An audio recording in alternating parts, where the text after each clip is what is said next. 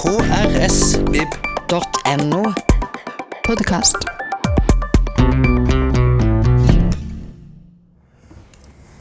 Ja, i dag skal vi snakke om polske poeten Tadeusz Różewicz og hans bok 'Gråsoner'.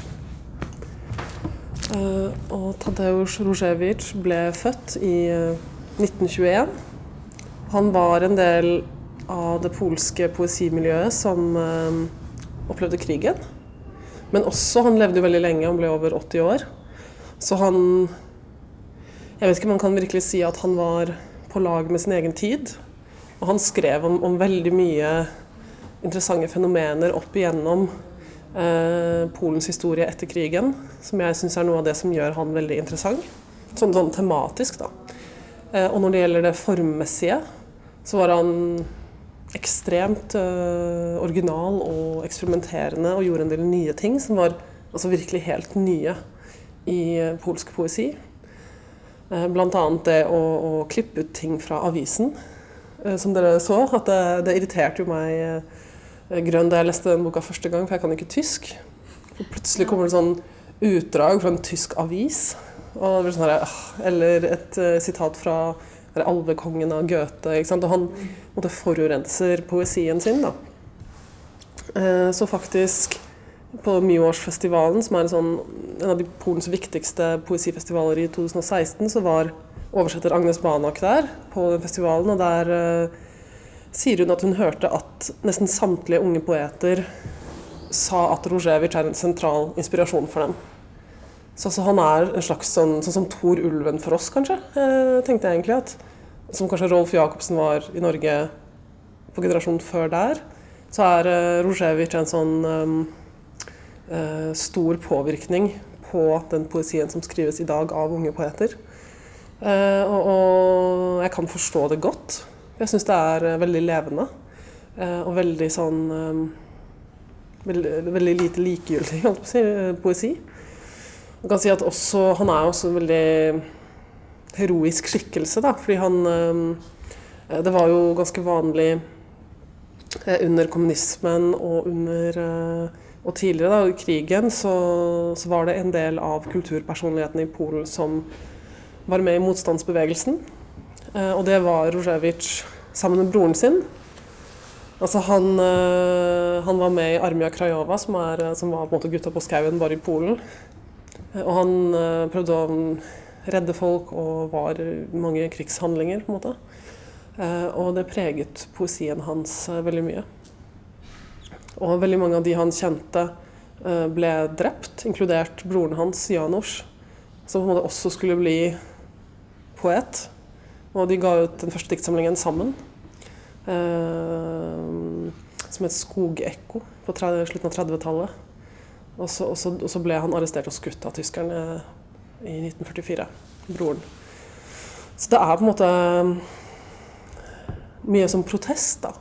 Eh, og mye motstand i disse diktene. Og, og jeg tenkte litt på den debatten som raser i eh, Norge nå, hvor enkelte erklærer poesiens æra for over. At poesien er død, og romanen er død, og det ene og det andre. Nå er det bare sakprosa igjen, eh, liksom. Så da tenkte jeg sånn at Jeg tror ikke det har vært sånn i Norge, jeg tror ikke det er sånn i Norge, men i hvert fall så ikke i Polen, da, hvor poesi har hele tiden vært en slags sånn kommentar på livet. Et sted hvor man kan øh, tenke videre. Også kanskje for Różewicz sin del gjenoppbygge en slags metafysikk. Uh, gjenoppbygge noe som, som har mening, og gjenoppbygge en sannhet etter uh, krigen. Da. Etter det nasjonale traumet som krigen var eh, for polakker. Da. Så, eh, og det er jo ikke noe nytt altså, altså han, Og det er ikke nok med at han gjorde motstand under krigen mot tyskerne. Også, også etter, etter krigen var jo han eh, mange poeter også i hardt vær. Og f.eks. nobelprisvinneren den russiske poeten Josef Brodsky ble jo dømt for parasittisme fordi han var en poet.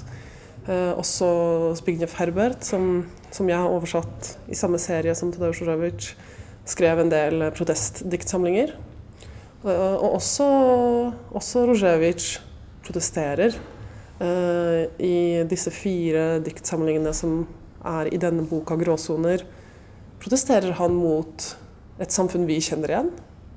Eh, mot, eh, hvordan det moderne Altså moderne propaganda, massemedia, folks dumhet, altså hvordan ting sprer seg. Uh, unnlatelsessynder. Han har et veldig langt dikt som jeg liker veldig godt, som heter 'Gull'. Som handler om uh, de, For det var nyhetsoppslag for en del år siden om at uh, altså, si, eh, Jødene ble jo ranet for gulltenner, gullsmykker og alt mulig. Det ble smeltet til sånne gullbarrer.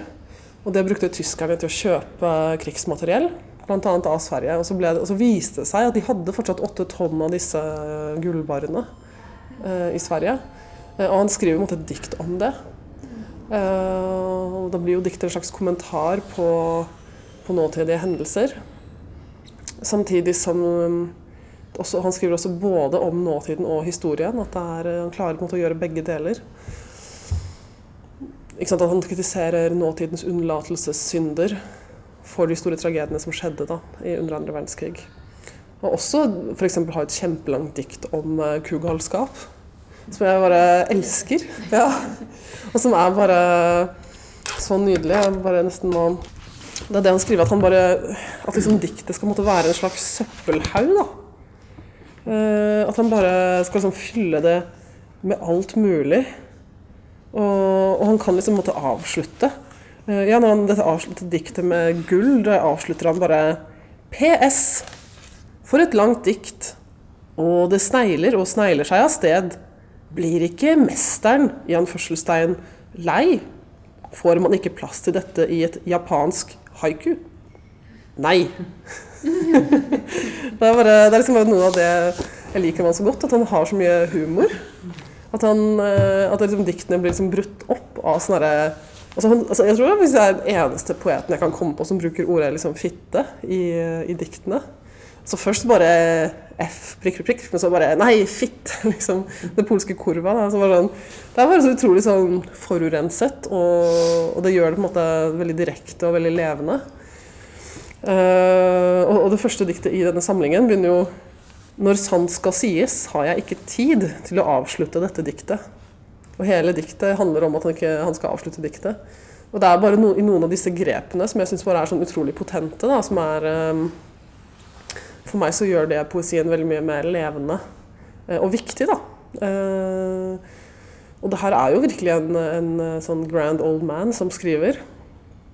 Og, eh, så det er jo et av de jeg tror, originale formgrepene hans. Og, og på en måte han moderniserer jo, fordi jeg vet ikke, f.eks. Bjørnstjerne Bjørnson har jo sånne Kjære leser, ikke sant, sånne henvendelser.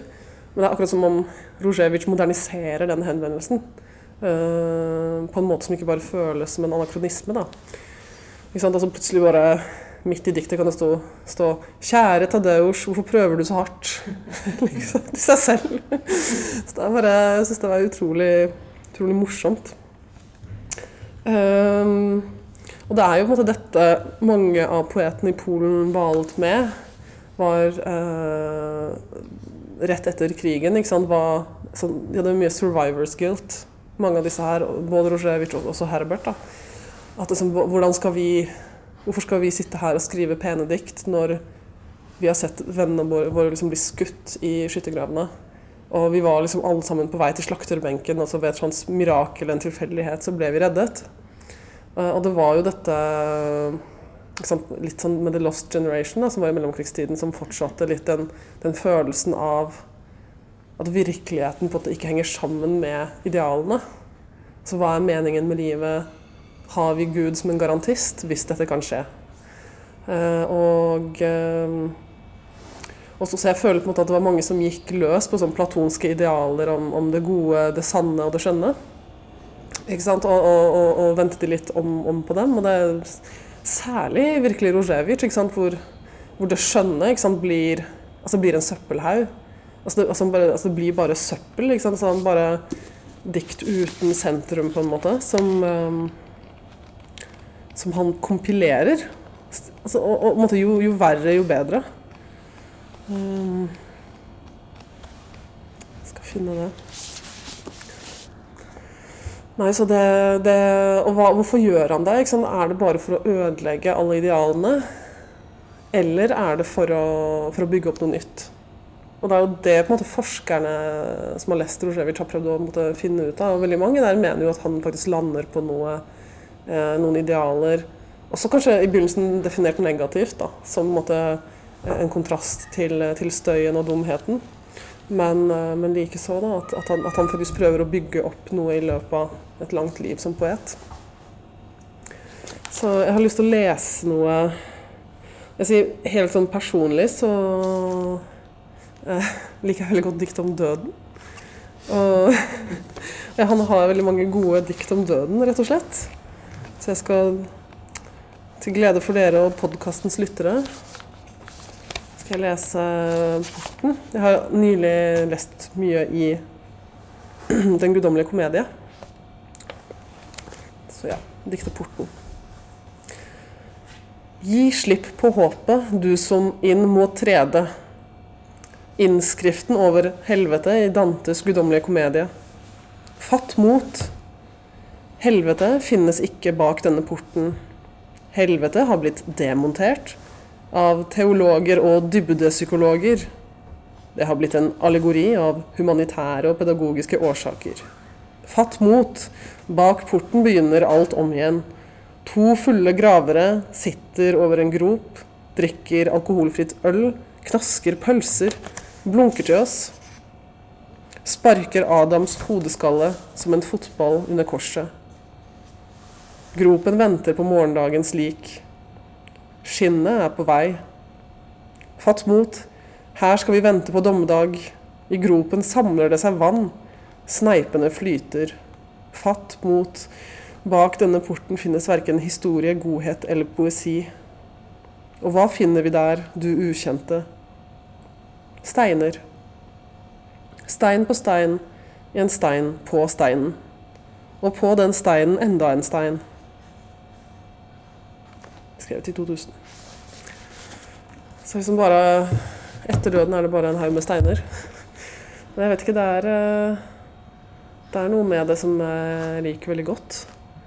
Um, også, og, og, også på det, det hverdagslige. jeg vet ikke, altså, Igjen tilbake til eh, nåtiden med debatter om Instagram-poeter.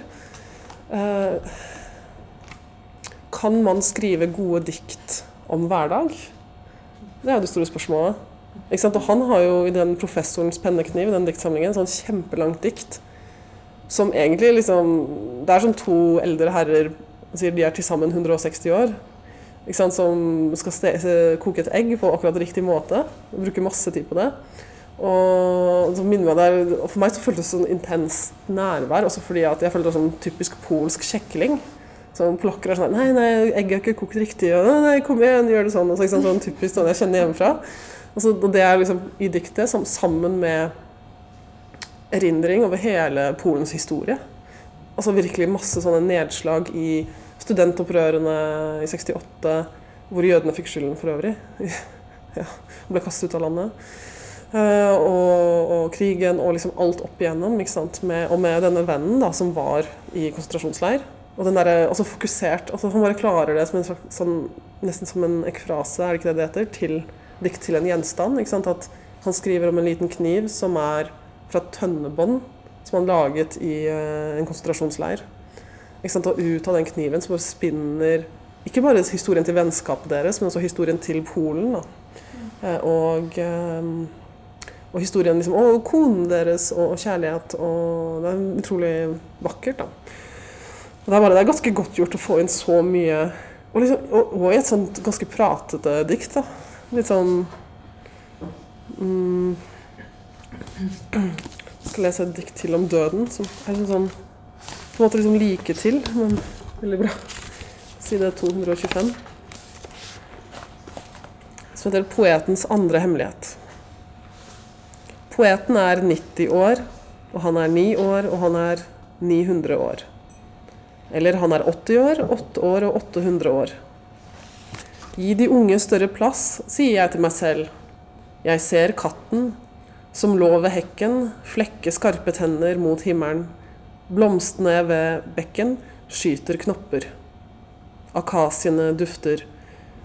Jeg kan tross alt ikke gå rundt om natten og vekke folk for å fortelle dem. at jeg gjorde alt i beste mening. Det sømmer seg heller ikke å vekke kona for å fortelle henne at jeg er redd for døden. På tide å dø. Men man orker liksom ikke.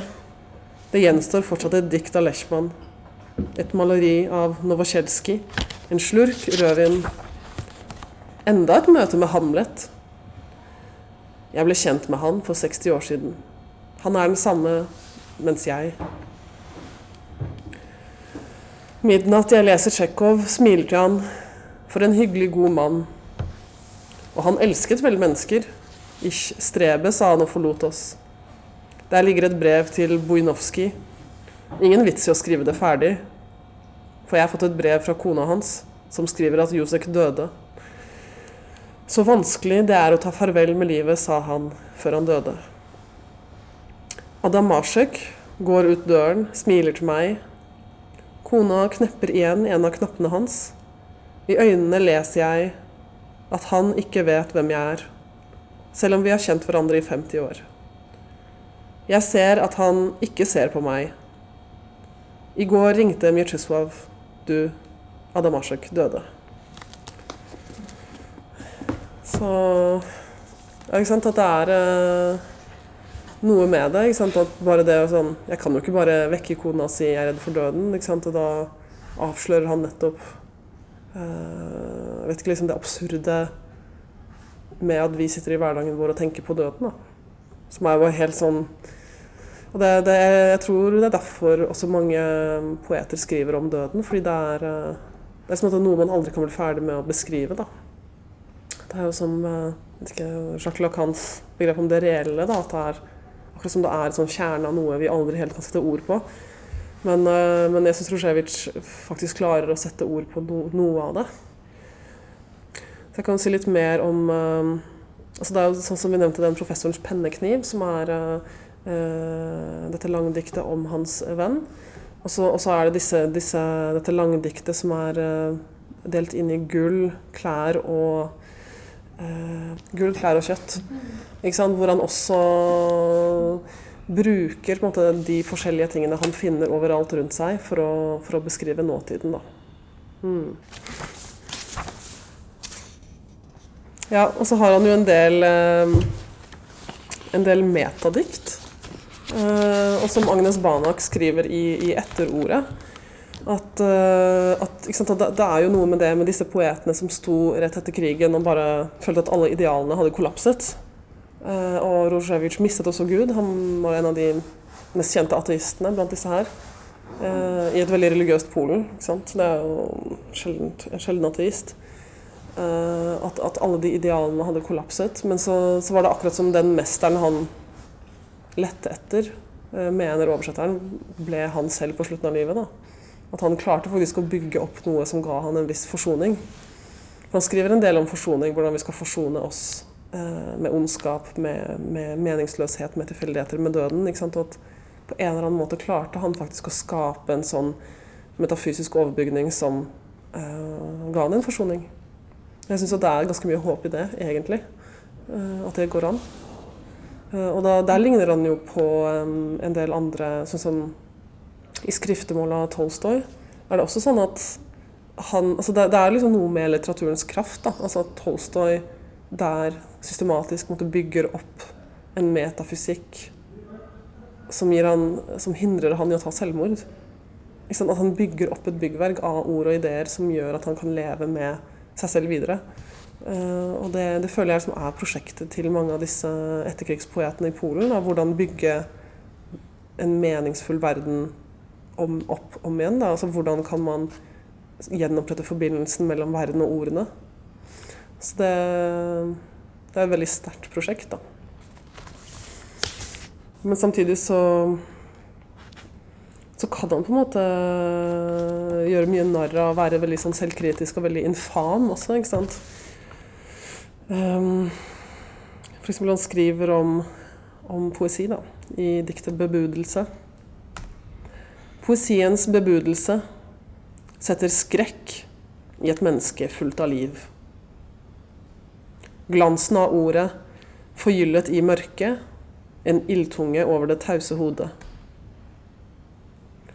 Hodene til de jevnaldrende ruller videre, biljardkulene på den grønne engen.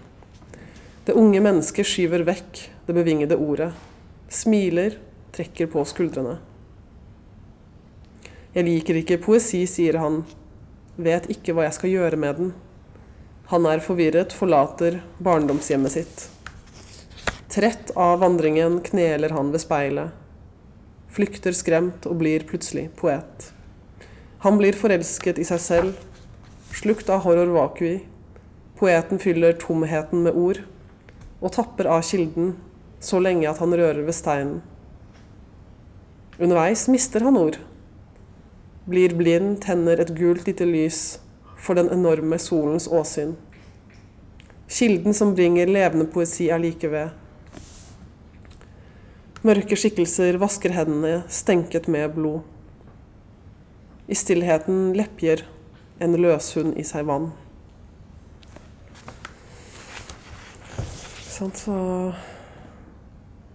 Hva kan det bety? Ikke sant? At det, eh, denne kilden som poetene har tappet av, som han tapper av helt til han møter steinen, altså tømmer kilden At det er eh, at det, rundt den kilden, den poetiske kilden står det måte, mørke skikkelser, en løshund. Ikke sant? At alt er på en måte forurenset. Eh, og igjen dette med, med, med, med disse platonske idealene som har falt. Hvordan det, det, har jo vært altså Romantikken og 1800-tallet, da, da, var det jo disse idealene som sto i høysetet. Og det var jo en veldig sånn gullalder for poesi. Så, så sant, kan man bygge opp igjen poesien på en søppelhaug? Det er jo liksom det spørsmålet som hele tiden kommer tilbake. Her skal jeg finne Skal jeg faktisk klare å finne Fordi han har en sånn plutselig som en sånn PS. Det er sånn i den polske i de polske bøkene så bare plutselig kommer det masse poesi som har sånn ujevn høyremarg, og så plutselig er det bare sånn prosa som er sånn PS, hvor han bare forklarer selv hva han på en måte driver med. Som er sånn utrolig merkelig.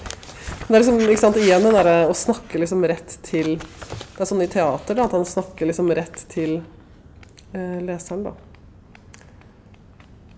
Ikke sant, hvor han sier sånn helt på slutten av et sånn utrolig irriterende dikt for det er liksom bare masse sånn tull. Altså, det, sånn, det, blir jo nesten sånn provoserende for uh, Hva skal jeg si? Liksom nesten sånn vold mot språket. Da, hvor det plutselig er sånn Hello Dolly, hello Polly, menneskelige proteiner. Altså, han, han siterer sånn uh, hva den franske landbruksministeren Philippe var advarte advart mot i går. Han, han, forteller liksom hva folk spiste, hvor mange kilo, kilo kjøtt en polakk spiser i året. Det er sånn bare en blanding av liksom, statistikk og sånn mediatale. Men så helt på slutten, da, sånn etter å ha irritert uh, poeten med masse, eller irritert leseren med masse tysk, så sier han plutselig sånn ah, PS. Recycling består av tre deler. Mote, gull og kjøtt. I den grad gull fortsatt har strukturen til et langdikt, er mote og kjøtt Virtuell poesi. Del tre kjøtt er formet som en søppelfylling med informasjon, der det ikke er noe sentrum midtbukt. Den planlagte ufruktbarheten og stagnasjonen har blitt diktets hovedelement. Menneskets galskap i uh, kugalskapen, den sykdommen, kommer av dyrets syke hjerne, men den vender seg mot mennesket. Vitenskapens forbryterske umoralskhet blander seg med politikk, økonomi og børs. Så det er også ganske interessant da, at han måtte lage en sånn søppelfylling ut av, det, ut av diktet. Eh, på en måte ved å måte være helt sånn ukresen i hva han tillater at han kan komme inn. Så det, det er nesten sånn som, som, du har i malerkunsten. Da, sånn, sånn found, found, art. At du, at du bare limer ting. Du limer en sko, du bare kaster ting på et lerret nesten. Og at han har liksom sånn found poetry. da. Og egentlig så Det er jo det som er så utrolig med, med han, at det på en måte gjør han fortsatt veldig relevant. Fordi uh, igjen tilbake til den Instagram-poesidebatten, som er sånn Kan man lese dikt på Instagram? Er, det, er dette en ny praksis hvor vi Uh, vet ikke, kanskje legger ut litt uh, uferdige dikt, og så kan de oppstå og, og, gå inn i en eller annen sånn dialog med følgerne eller de, de, andre som også skriver dikt der, og at det blir en sånn, et sånn produktivt rom?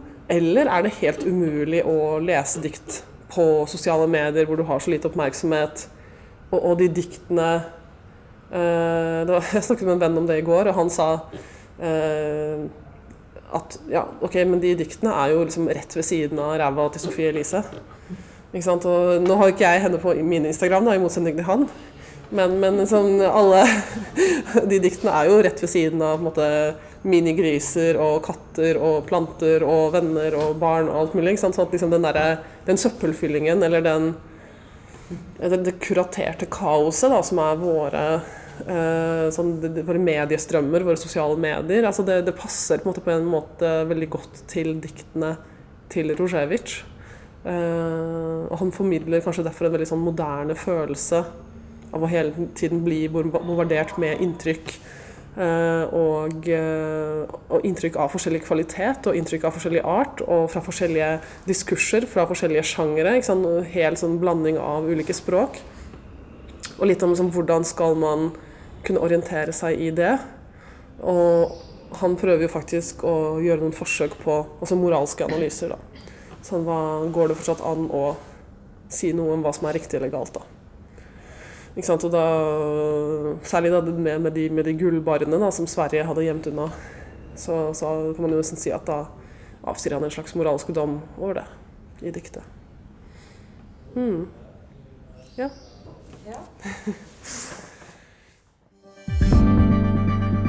Flere podkaster fra oss finner du på Google Podkast, Apple Podkast eller iTunes, eller ved å stikke innom vår hjemmeside på krsbib.no.